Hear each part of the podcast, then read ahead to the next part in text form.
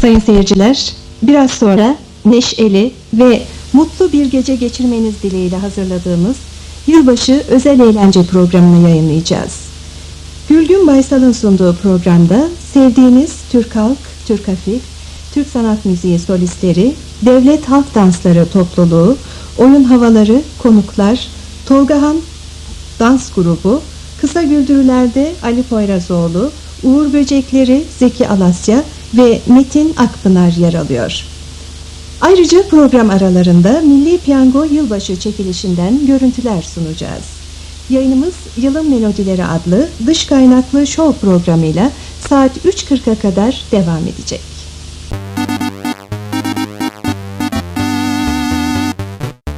Sizi tenzih ederim.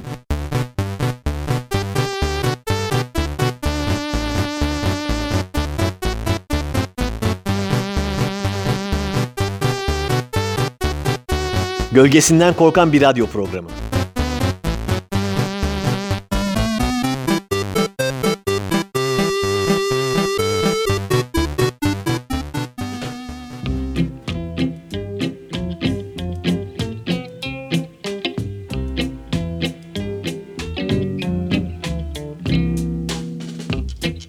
Merhaba sevgili Radyo Karavan dinleyenler. Nasılsınız inşallah? İyisiniz maşallah diyoruz ve 49. bölümümüzü de açıyoruz. Değerli dinleyenler bu programımıza yeni yıl yeni yıl yeni yıl yeni yıl sizlere kutlu olsun. Yeni yıl yeni yıl yeni yıl yeni yıl bizlere mutlu olsun. Yeni yıl yeni yıl yeni yıl bizlere kutlu olsun. Yeni yıl yeni yıl yeni yıl bizlere mutlu olsun diyerek de başlayabilirdik. Ama biz bir yeni yıl için kendimizi bozacak program değiliz. Klasik girişimizi bir yeni yıla satmayız. Hatta şöyle bir giriş bile yapabilirdik. Yeni yıl, yeni yıl, yeni yıl, yeni yıl. Bizlere kutlu olsun. Yeni yıl, yeni yıl, yeni yıl, yeni yıl. Sizlere kutlu olsun. Mutlu olsun insanlar, mutlu olsun tüm evren diyenlerin programı. Yeni yıl, yeni yıl, yeni yıl, yeni yıl bizlere kutlu olsun.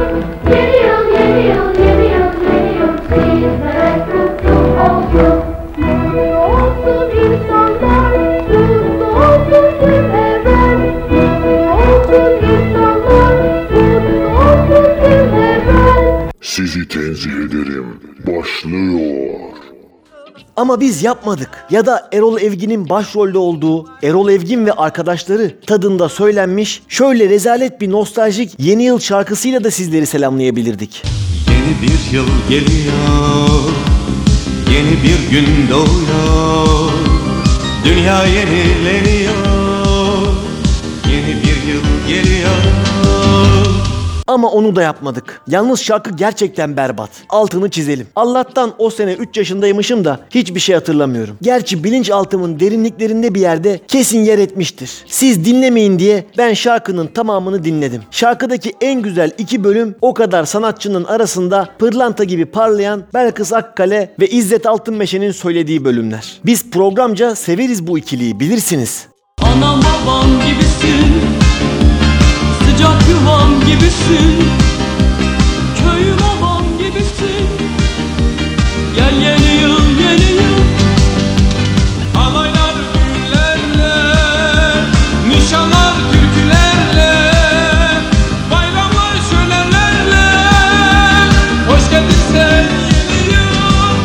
lafın kısası anam babam gibisin, sıcak yuvam gibisin, köyüm obam gibisin, gel yeni yıl yeni yıl. Halaylar düğünlerle, nişanlar türkülerle, bayramlar şölenlerle, hoş geldin sen yeni yıl diyoruz ve hepinizin yeni yılını kutluyoruz dostlar. Programımızın iki haftada bir yayınlanmasına rağmen özel günlere denk gelme alışkanlığı zirve yaptı dostlar. İki haftada bir yayınlanmasına rağmen kısmını vurgulu söyledim. Çünkü neredeyse iki sene olacak hala her hafta yayınlandığını sananlar, daha kötüsü iddia edenler var. Geçen gün birisiyle programın her hafta yayınlanmadığı üzerine 15 dakika süren gereksiz bir tartışma yaşadık. Az kalsın beni programın her hafta olduğuna ikna edecekti. Her neyse program tam da 31 Aralık'a denk girince insan ister istemez yılbaşıyla ilgili bir şeyler anlatmak istiyor haliyle. Tıpkı geçen sene olduğu gibi. Geçen sene de tam yılbaşı ertesine denk gelmişti. Ve biz yine yılbaşından bahsetmiştik. Yine böyle bir rastlantı olunca dedim ki şimdi aynı şeyleri anlatmayayım. Dinleyiciye ayıp olmasın. Anlat Anlattıklarımı anlatmayın dedim de ne anlattığımı hiç hatırlamıyorum ki dostlar. Üstünden bir sene geçmiş. Ben de ne anlattığımı hatırlamak için açtım geçen seneki programı dinledim. İnanır mısınız? Sanki yeni bir program dinliyormuş gibi dinledim. Koskoca programla ilgili hatırladığım tek şey girişte yayınladığım İbrahim Tatlıses'in 1983 yılı için dile getirdiği güzel dilekleri ve ardından söylediği yoğurt koyduğum dolaba ellere vay, bugün başım kalaba ellere vay türküsü oldu. Sonra şöyle düşündüm. Ulan programı yapan kişi olarak sen hatırlamıyorsun daha ne anlattığını. Millet nereden hatırlayacak? Geçen seneki programı aynen yapıştır gitsin. Çok mantıklı. Hayatta dev bir loop zaten. Bizim programda bir senelik bir loop'a girmiş olsun. Ne olur yani? Zaten yılbaşı hakkında hep aynı şeyleri anlatmıyor muyuz? Yeni bir şey olmuyor ki yılbaşında. Hep aynı. Ramazanda yayınlanan iftar programları ve yılbaşı programları her sene aynı programın tekrar tekrar gösteriminden oluşmalı bence. Bu tarz aktiviteler birbirinin tekrarı gibi çünkü. Yenilik yok yani. Şimdi bunu ispatlamak için geçen seneki yılbaşı programından küçük bir bölüm yayınlayacağım. Sanki şimdi konuşmuşum gibi olacak. 12 yaşından beri yeni yıl heyecanını kaybetmiş bir insan olarak her ne kadar bu aktiviteden çok haz etmesem de bir bahaneyle insanları bir araya getiren, eğlenmelerini sağlayan, özellikle çocukları sevindiren olaylara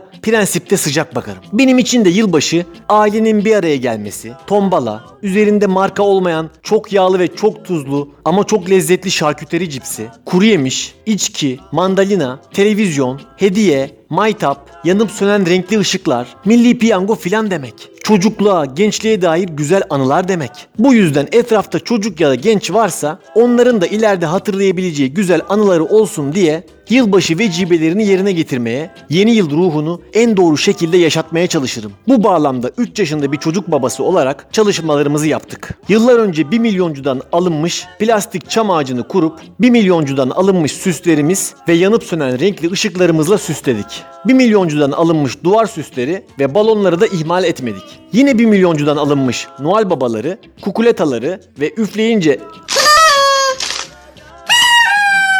diye ses çıkaran açılan şeyleri de aldık. Ve son olarak da 1 milyoncudan aldığımız tombala yılbaşı paketindeki yerini aldı. Şimdi bunları böyle sıralayınca fark ettim ki benim için yılbaşı eşittir 1 milyoncuymuş dostlar. Bakın gördünüz mü? Her şey aynı. Sadece 2019 geçen yerleri 2020 yapmak lazım. O kadar. En azından geçen sene bahsetmediğim iki şeyden bahsedeyim. Birincisi yılbaşında tombala oynarken çıkan sayıların üstünü Antep fıstığı kabuğuyla kapatmak en güzeli ve kullanışlısı oluyor. Kağıt gibi uçmuyor. İkincisi de hani şu vitrin camlarına beyaz köpüğümsü bir spreyle yazı yazmaya çalışıyorlar ya. Artık ondan vazgeçilsin ya. Çünkü kesinlikle güzel olmuyor. Çok çirkin bir görüntü. 2020 yazmaya çalışıyorlar. Mutlu yıllar yazmaya çalışıyorlar. Kar yağma efekti falan vermeye çalışıyorlar. Hatta bazı densizler resim çizmeye çalışıyorlar ya. Dünyanın en çirkin Noel babaları çiziliyor vitrinlere. Neticede olmuyor. O spreyi Bansky'nin eline verin adam grafitiyi bırakır. Hayata küser yemin ediyorum. Sözü fazla uzatmayayım ve bir şarkıyla virgül atayım. Sizi tenzih ederim. 2020 yılını muştulayarak herkese iyi seneler dileyerek başlıyor. Birkaç gündür hemen hemen hepiniz bu gece için alışverişinizi yaptınız, hazırlıklarınızı tamamladınız, ekran başında, koltuklarınızda, masa başlarında yerlerinizi aldınız. Bizler de bu gecenizin biraz daha neşeli geçmesine katkıda bulunabilmek için bu programı hazırladık. 1985'ten 1986'ya kadar yaklaşık 7 saat sürecek olan programımız içinde Türk halk müziği, Türk sanat müziği, Türk hafif müziği, güldürü sanatçıları, kısacası eğlencenin her türünü bulabileceksiniz. Bu dakikalardan başlayarak hepinize neşeli, güzel bir gece diliyoruz değerli seyircilerimiz.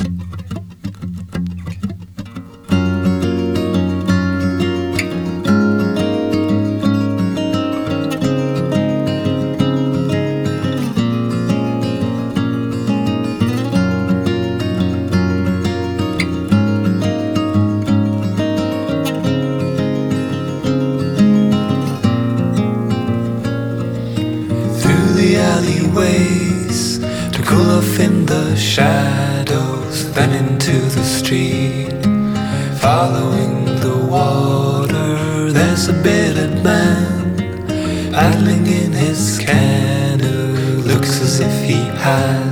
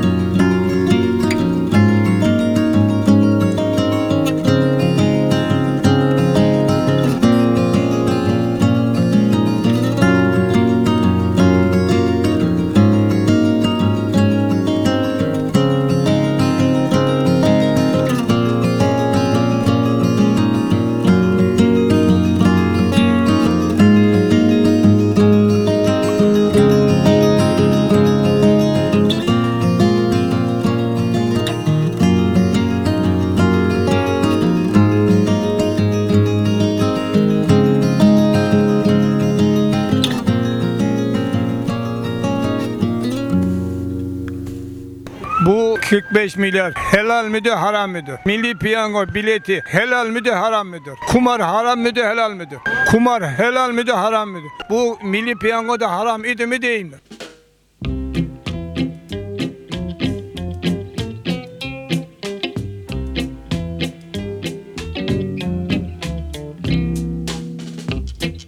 Vallahi ben haramını helalini bilmem ama milli piyangodan soğuduğum bir gerçek. Daha doğrusu piyangodan soğudum. Çünkü artık pek milli bir tarafı kalmadı. Demirören grubu tıpkı iddia ihalesi gibi milli piyango ihalesini de 10 yıllığına İtalyan ortağıyla beraber aldı. Son yıllarda bu tarz kurumlarda ortaya çıkan şaibe ve şüphe iddiaları insanların güvenini iyiden iyiye zedelemişti. Bir de özelleşince üstüne tüy dikilmiş oldu. Zaten ben geçen sene yılbaşı piyango biletlerinin sayısal loto gibi makineden rakamlarını alıcının belirleyebileceği bir sistemde verildiğini görünce tadım iyice kaçmıştı. Olayın bütün nostaljisi bozulmuş diye düşündüm. Milli piyango eskiden güzeldi. Üstündeki resme bakacaksın, katlayıp cüzdanına koyacaksın. Yılbaşının ertesi sabahı gazetenin verdiği tam listeyi alıp tek tek inceleyeceksin. Aa bak şurada 3 yerine 2 gelseymiş. En sondaki rakamda 0 yerine 9 olsaymış 2000 lira kazanıyormuşum. Tüh diyeceksin. Sonra oradan biri senin biletin çeyrek biletti. 2000 değil 500 lira kazanacaktın diye düzelttiğinde aa doğru söylüyorsun ya diye zaten kazanamadığın hayali paranın 1500 lirasına üzüleceksin. Bu iş böyledir yani. Keyfi böyle çıkar. Ama dediğim gibi ben bu ihale olayıyla birlikte piyango bileti falan almam artık. Bakmayın benim için çok kötü oldu aslında. Çünkü ben yılbaşlarında insanlara hediye olarak çeyrek piyango bileti alırdım. Bence en güzel hediye oydu. Çünkü çekiliş yapılmadan aldığımız hediyenin değeri belli olmuyordu. Bilete hiçbir şey çıkmasa bile insanlara umut vaat etmiş oluyordunuz. Umut da en güzel hediyedir.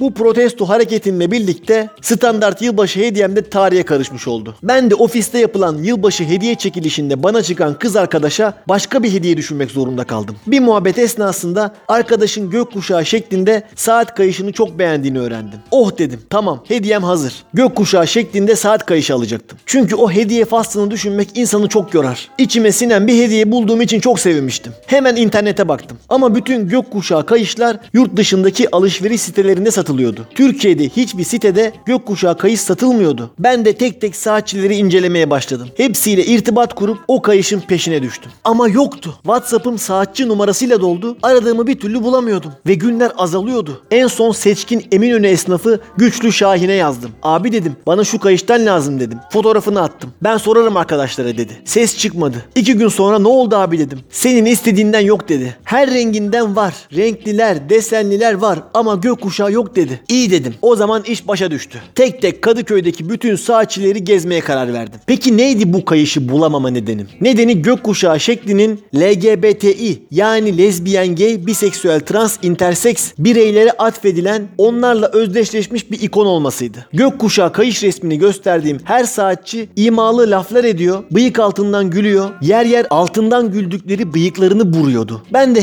hepsine ya kendime değil bir arkadaşa alıyorum eh, eh, filan diye açıklama yapmak zorunda kalıyordum. Hatta bir tanesi sen bu kayışı Türkiye'de bulamazsın. Esnaf bunu satamaz. O yüzden kimse getirtmez bunu. Çünkü bu şololoların işareti dedi. Şololo mu? Şololo ne lan? Hay Allah'ım delireceğim. Ve ben bu kadar basit bir hediyeyi bulamadım dostlar. Aradığım hediyeyi bulamamayı geçtim. Topluma bir kez daha uyuz oldum. Ya bu toplum denen şey etiketlemeye, yaftalamaya, kategorize etmeye ne kadar meraklı dostlar. Neden gökkuşağı gibi dünyanın en güzel ikonlarından biri sadece bazı insanlara aitmiş gibi algılanıyor? Biz neden yıllarca siyasi konjonktürden dolayı bazı renkleri beraber giyemedik? Benim çok güzel kazaklarım vardı ama renk kombinasyonları yüzünden giyemedim onları. Yok orasında yıldız var şucusun. Burasında hilal var bucusun. Rengi şöyle onlardansın. Deseni böyle bunlardansın. Diye diye bir rahat bırakmadılar dostlar. Ey toplum sana sesleniyorum. Renklere, desenlere, şekillere ipotek koymaktan vazgeç artık. İnsanlar hiçbir şeye ait olmadan da istedikleri şeyleri giyip rahatsız edici bakışlar ya da saçma sapan sorulara muhatap olmadan rahat rahat dolaşsınlar. Artık düş şu insanların yakasından toplum. Emi toplum. Aferin toplum. Topluma ayar verdiğimizde ve bu kadar gökkuşağından bahsettiğimize göre de programımıza Rainbow'un bir şarkısıyla devam edebiliriz. Rainbow yani ebem kuşağından dinliyoruz. Since You Been Gone yani gittiğinden beri.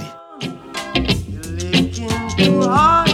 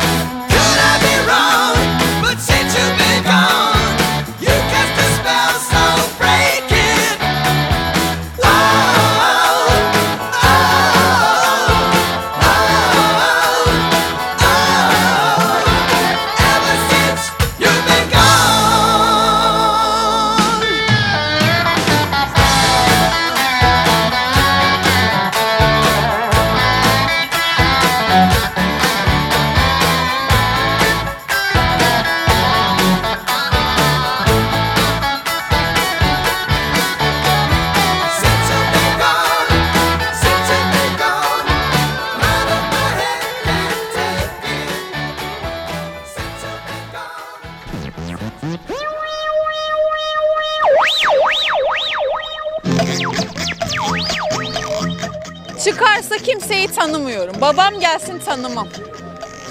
O kadar. Kimseyi tanımıyorum. Gidiyorum burada da durmuyorum. Elveda herkese. Yani buraya en uzak neresi? Kutuplar olur kutuplar. Orası da çok soğuktur ya. Sıcak olan bir ülke, çok uzak ve sıcak olan neresiyse oraya gidiyorum. Kimseyi tanımıyorum, herkesle irtibatı kesiyorum.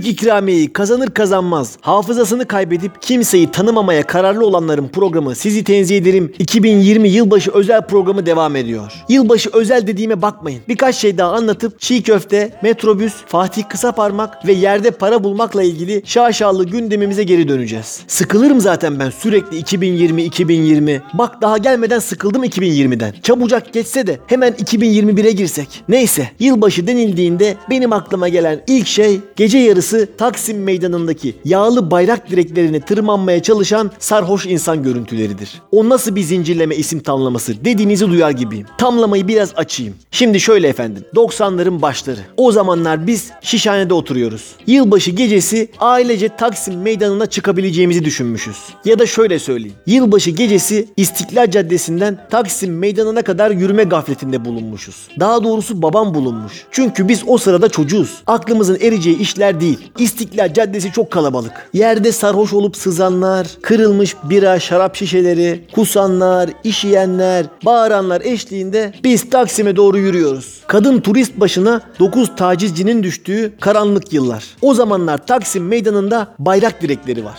Ve şöyle bir görüntü oluşmuş. Birileri bayrak direklerine tırmanmaya çalışıyor ama başaramıyor. Ama inatla da tırmanmaya çalışıyor. Tırmanamamalarının sebebi ise direklerin belediye tarafından yağlanmış olması. Çünkü geçen senelerde sarhoş olup direklere tırmanan insanlar tehlike yaratmış. Onlar da o sene direkleri yağlamışlar. Ama bu girişim spor sever sarhoşları durdurmaya yetmemiş. Kafayı çeken yağlı direkleri tırmanmaya koşuyor. Taksim'de geleneksel yağlı direğe tırmanma olimpiyatları düzenleniyor gibi bir görüntü var. Kafasında kukuleta, yağlı direkten vızır vızır kayan sarhoşlar, yerlere kusanlar, turistleri taciz etmek için peşlerinden koşan sapıklar ve Nişantaşı'nda evlerinde eğlenenlerin camlarına taş ve içki şişesi atan coşkun halk. İşte benim unutamadığım yılbaşı görüntüleri bunlardır. Yılbaşı değil, adeta distopya. O günden sonra da yılbaşında hiç evden çıkmadım zaten. Bana yetti o. Bir tek 2000'lerin sonuna doğru çıkmak zorunda kalmıştım. Onda da depar atarak geçtim İstiklal Caddesi'nden. Direkleri çoktan kaldırmışlardı. Tacizcileri ve taş atanları önlemek için de sivil polisler devredeydi. Ama kusanlar ve sızanları hiçbir güç engelleyememişti. Çünkü Taksim'de yılbaşı demek rezillik demekti.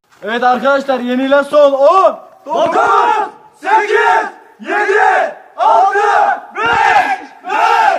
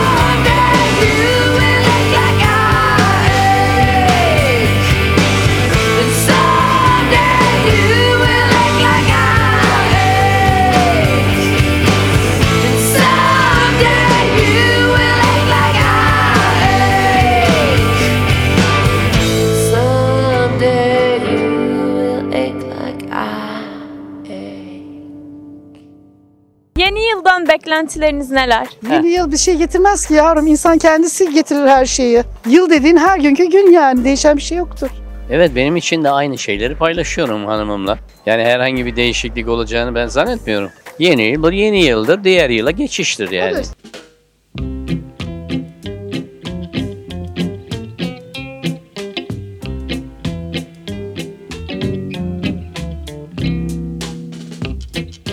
Gün geçmiyor ki etsiz çiğ köfteye beyhude şahsiyet kazandırma çabaları yeni bir boyut kazanmasın. Daha önce de belirttiğim gibi etsiz çiğ köfte olmaz dostlar. Özdemir Asaf'ın dediği gibi etsiz çiğ köfte olmaz, olursa çiğ köfte olmaz. O olsa olsa baharatlı salçalı bulgur ezmesi olur. Ve artık lütfen şu oluşumu dünya mutfağına kazandırma girişimlerine bir son verin arkadaşlar. Asabımı bozmayın benim. Çiğ köfte sushi dediniz, hadi bir hevestir yaptınız dedik. Çiğ köfte pasta dediniz, hadi onu da reklam olsun diye yaptınız dedik. Ama çiğ köfte taco nedir ya? İnsaf edin ya. Çiğ köfte taco mu olur? Geçen gün yürürken çok da bilinen bir sözde çiğ köfte dükkanında kocaman bir afiş gördüm. Üstünde tortilla ekmeği ve altında da taco çiğ köftemizi denediniz mi yazısı vardı. Hayır denemedik ve denemeyeceğiz arkadaşım. Vazgeçin artık şu sevdanızdan. Bu millet bunları yemez. Bölemeyeceksiniz. Böldürtmeyeceğiz vatanımızı. Ben niye böyle gaza geldim anlamadım. Ama o taco işi olmaz öyle diyeyim size. Saçma sapan yiyecekler damarına girmişken ve hızımı da almışken geçen gün karşılaştığım bir diğer saçmalıkla devam etmek istiyorum. Geçen gün ailecek Kadıköy'de yürürken hanım bir tezgaha doğru yöneldi. Taze meyve suyu ve haşlanmış mısır satan tezgahın bir köşesinde şeffaf plastik kutularda renkli topik topik cips gibi bir şeyler vardı. Bizim hanım da o tuhaf şeylerin yanına gitti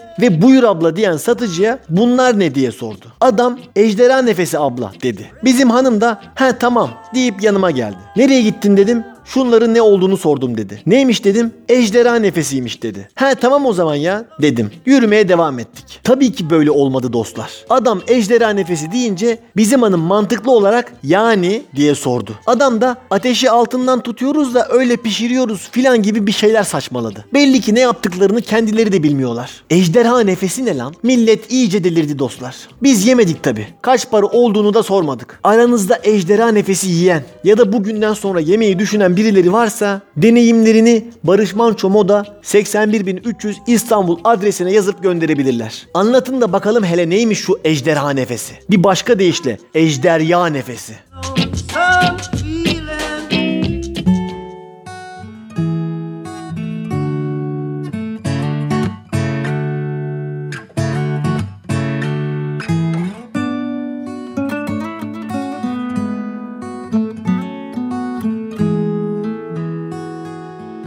Geceleri seni düşünür dururum. Sen ve ben ve engelleri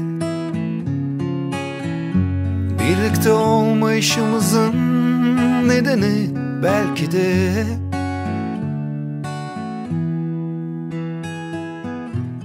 Birçok neden olabilir. Fakat yüzüme güldüğünde Uçar içimdeki karanlık.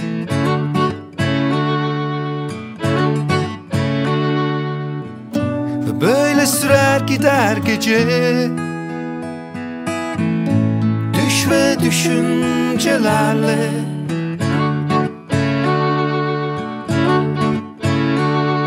Ve sabah güneş doğarken Geceleri seni düşünür dururum. Sen ve ben ve engelleri. Birlikte olmayışımızın nedeni belki de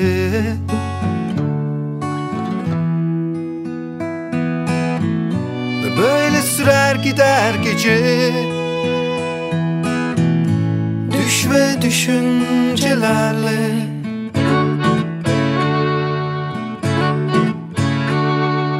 sabah güneş doğarken.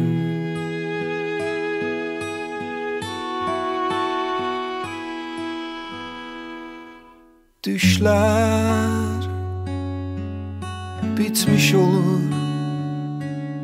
Engeller ve farklar Aşılmayacak kadar yüksek olur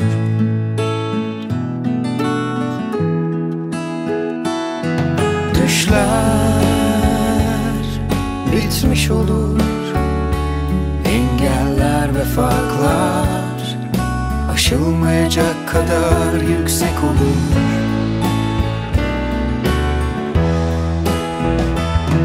Geceleri seni düşünür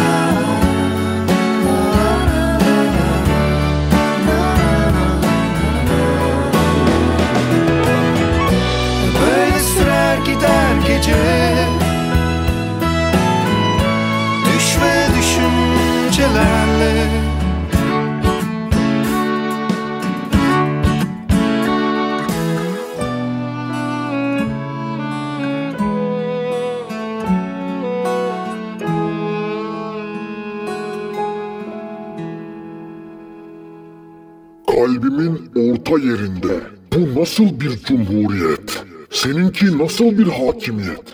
Ben anlamadım. Sustum sustum. Sonunda dayanamadım. Aşk mısın dert misin? Yoksa canına susamak mı benimki? Hayatı kovalamak mı dört nala bu evden? Uyudum uyandım hala anlamadım. Diyenlerin programı. Kalbimin orta yerinde bu nasıl bir cumhuriyet Seninki nasıl bir hakimiyet? Ben anlamadım. Sustum sustum sonunda. Dayanamadım. Aşk mısın dert misin yoksa canına susamak mı? Benimki hayatı kovalamak mı? Dört nala bu evde Uyudum uyandım. Hala anlamadım. Sizi tenzih ederim. Devam ediyor.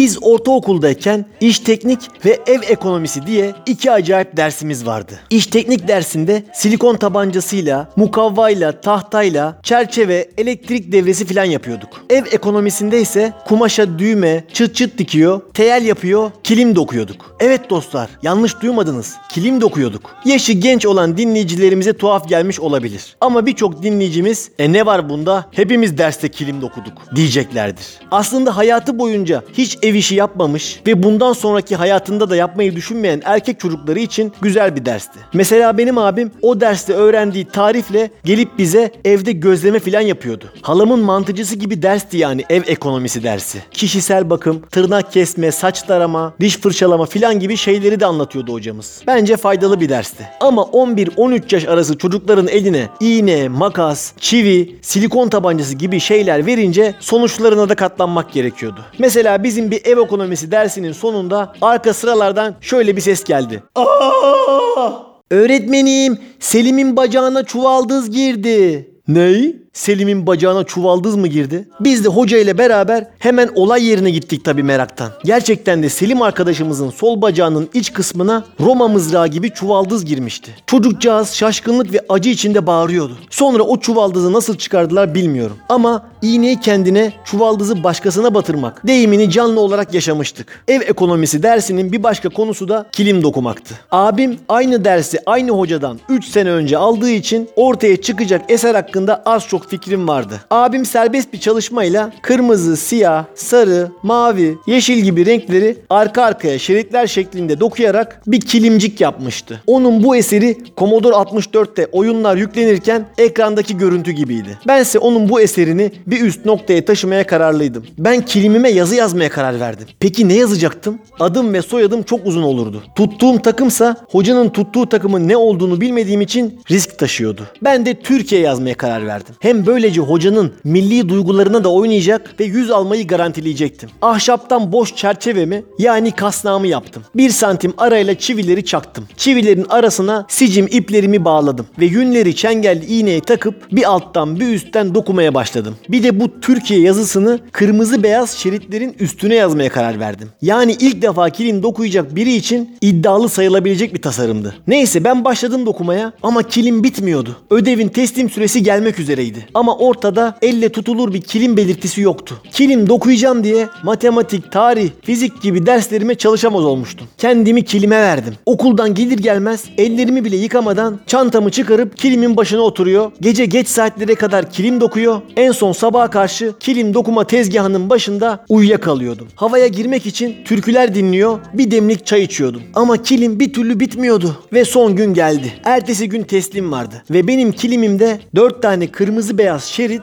ve arkasından tür diye bir şey yazıyordu. Bu haliyle eserimi hocaya açıklamama imkan yoktu. Dokuma tezgahında tür yazısı güncel bir sanat eseri gibi öylece duruyordu. Biennale katılsam belki iş yapardı ama ev ekonomisi dersinde yemezlerdi. Sabaha karşı son bir gayretle K harfini de bitirip eserimi biraz daha anlamlı ve açıklanabilir bir hale getirdim. Sonlara doğru dokumam iyice dandikleşmişti. Yünler gevşemiş, buna karşı çok sıkmaktan sicimler birbirine yaklaşmış, kilimin sonu büzüşmüştü. En sonunda Türk isimli ilk kilim çalışmamı bitirip hocaya verdim. Hoca bu ne dedi. Türk dedim. Teknik olarak yaptığım hataları söyleyip 72 verdi. Öğretmen eserimin muhtevasıyla pek ilgilenmemişti. Sonra ben o eserimi dolabın çekmecesine koydum. Abimin çok renkli serbest çalışmasının yanında benim muhafazakarlık ve milliyetçilik kokan eserim Helvacıoğlu blok flütlerimizin, cetvel ve pergellerimizin yanında uzun yıllar durdu. En son ne oldu bilmiyorum ama Fatih kısa parmağında dediği gibi kilimin dilinden ancak anlayan okur. Bu anlattıklarımı da ancak okulda kilim dokuyanlar anlar. Kilimin dilinden ancak anlayan okur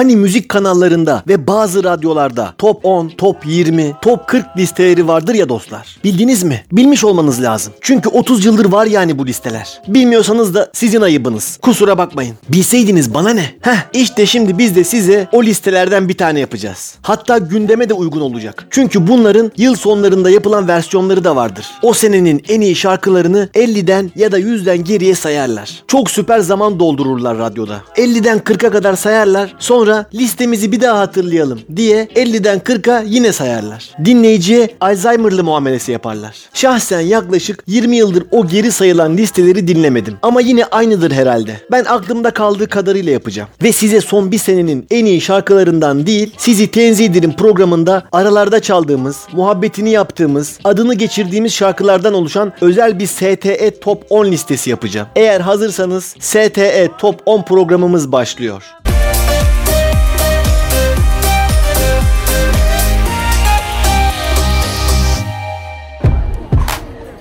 STE Top 10'dan herkese merhaba. Sizin oylarınızla oluşturduğumuz STE Top 10 listemizde geri sayıma başlıyoruz. Listemizin 10 numarasında taze gelin ağlatma misyonunu kulak zarı yırtarak gerçekleştirmeye çalışan abla ve Kınaların vazgeçilmez şarkısı Kınayı Getir Aney var. Kınayı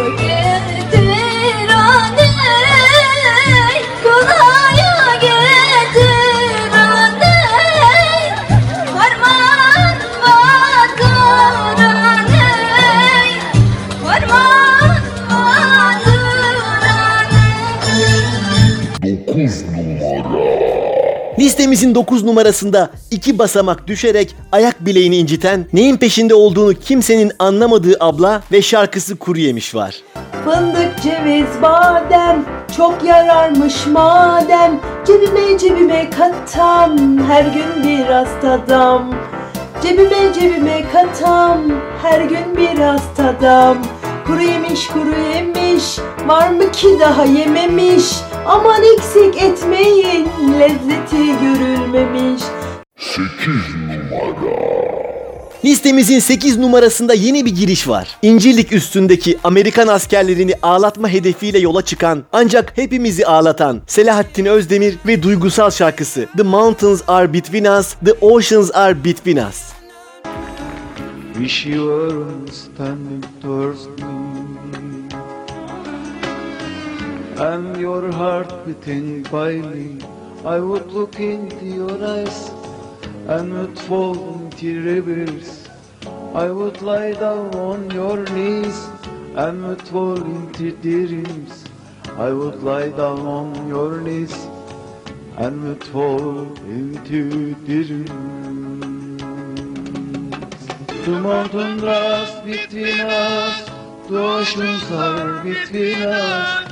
Paradise night fell for me, down my heart.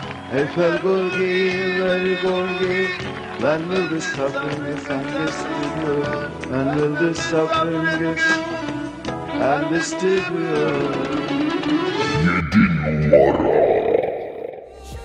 Listemizin 7 numarasında bir basamaklık düşüşle son 30 yılın uzak ara en iyi pop yıldızı Tayfun anlamsız sözler ve tehditlerle bezeli şarkısı Kendine Gel var.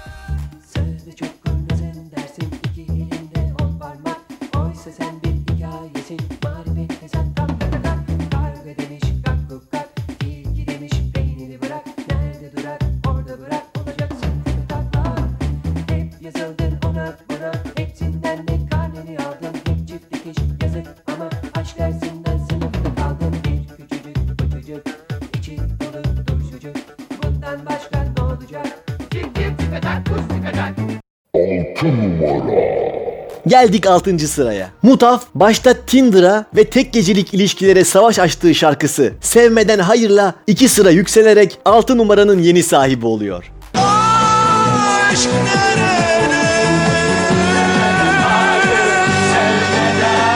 Bir gecelik mutluluklar Gerek değil bana sorma neden bütün aşklar Dokunma dur bana insanım ben İnsanım ben. İnsanım ben Hayvan değilim Sevmeden hayır yalnızca evet Beden değilim bir de ruhum var. Sevmeden hayır, sevmeden hayır Sevmeden hayır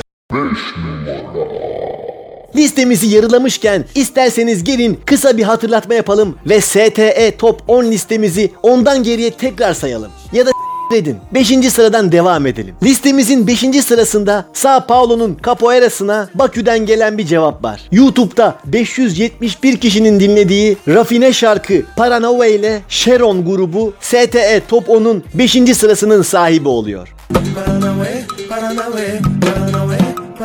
Gülşəndə fəlan eylərkən bülbül şeyda.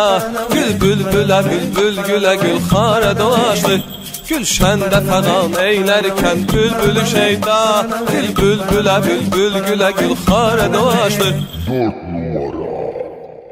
Listemizin dördüncü sırasında tam 5 sıra yükselerek zirve takibini sürdüren yılların eskitemediği bir isim var. Her zaman en iyi olma karakterini mikrofonları patlatarak gösteren Banu Alkan, namı diğer Afrodit güçlü sesiyle 4 numaradan 1 numaraya oradan da kalplerimize sesleniyor.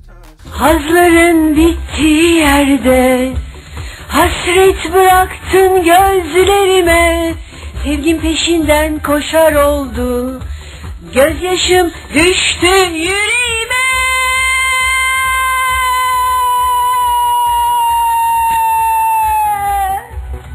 Neredesin? Ben aşkların kızıyım bunu böyle bil. Aklın kalır benim aşkımda. Tüm gözler benim üstümdedir. Var mı benim gibi şu dünyada? Sana tutkum oldum olası var. Sen de biliyorsun. Ne söylersem hep boş. Sana tutkum. Oldum olası var. Ben değil kulum tanrı değil. Geldik listemizin ilk 3 sırasına. 3 numarada neredeyse her programda bahsettiğimiz, uğruna tezler yazıp analizler yaptığımız Fatih Kısaparmak ve bir işçi maaşı olmasına rağmen 6 çocuk sahibi olmasından dolayı akademisyenler tarafından eleştirilen bir babanın hikayesini anlattığı şarkısı Benim Babam var. Cebinde yok parası Bafradır cigarası Yüreğindedir yarası Altı çocuk büyütmüş bir işçi maaşıyla Bu adam benim babam hey İki numara Listemizin ikinci sırasında Hora'da gelinle yaşadığı iletişim problemini tüm çıplaklığıyla yansıtan türküsüyle Belkıs Akkale var. Hora'da gelin ne diyorsun? Orada gelin ne diyorsun? Orada gelin ne diyorsun? Söylüyorum söylemiyorsun Daha da bana ne diyorsun? Orada gelin ne diyorsun? Söylüyorum söylemiyorsun Daha da bana ne diyorsun?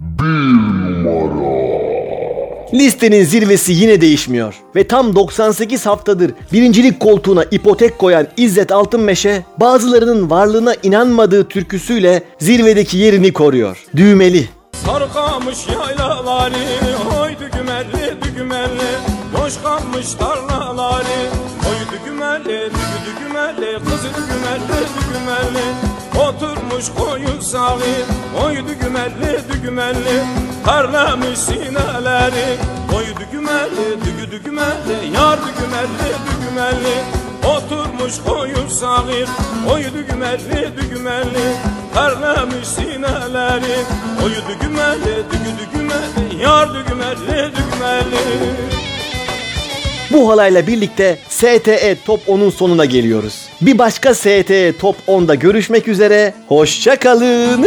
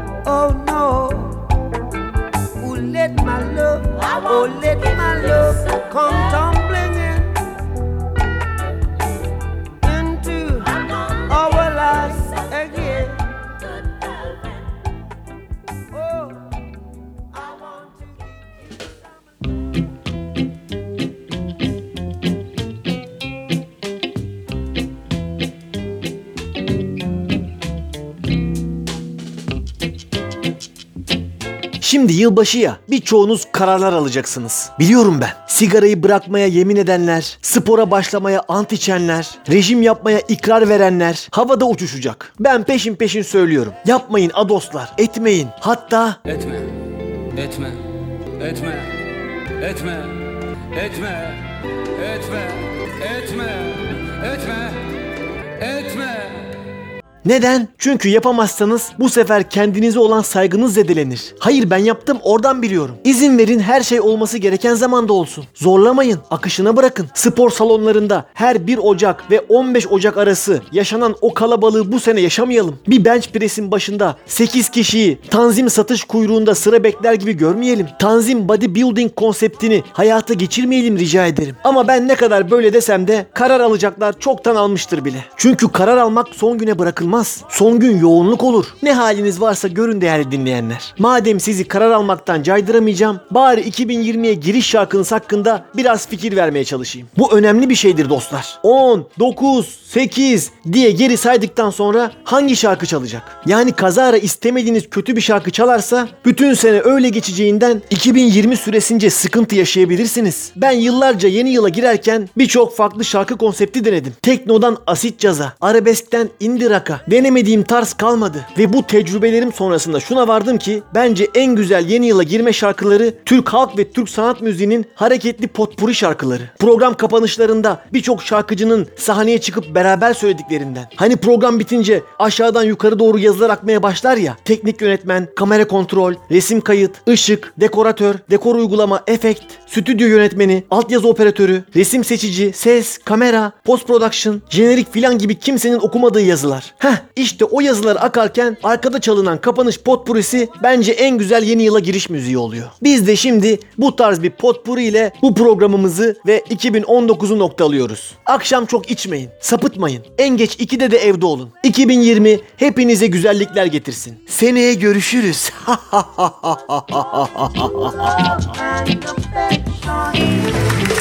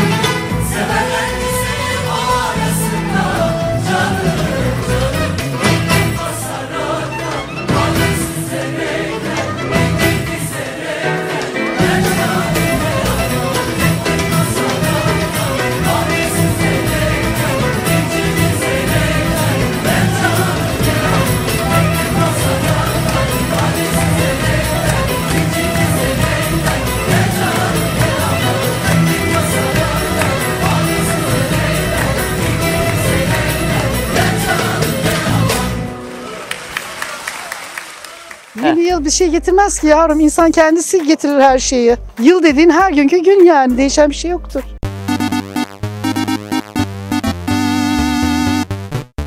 Sizi tenzih ederim.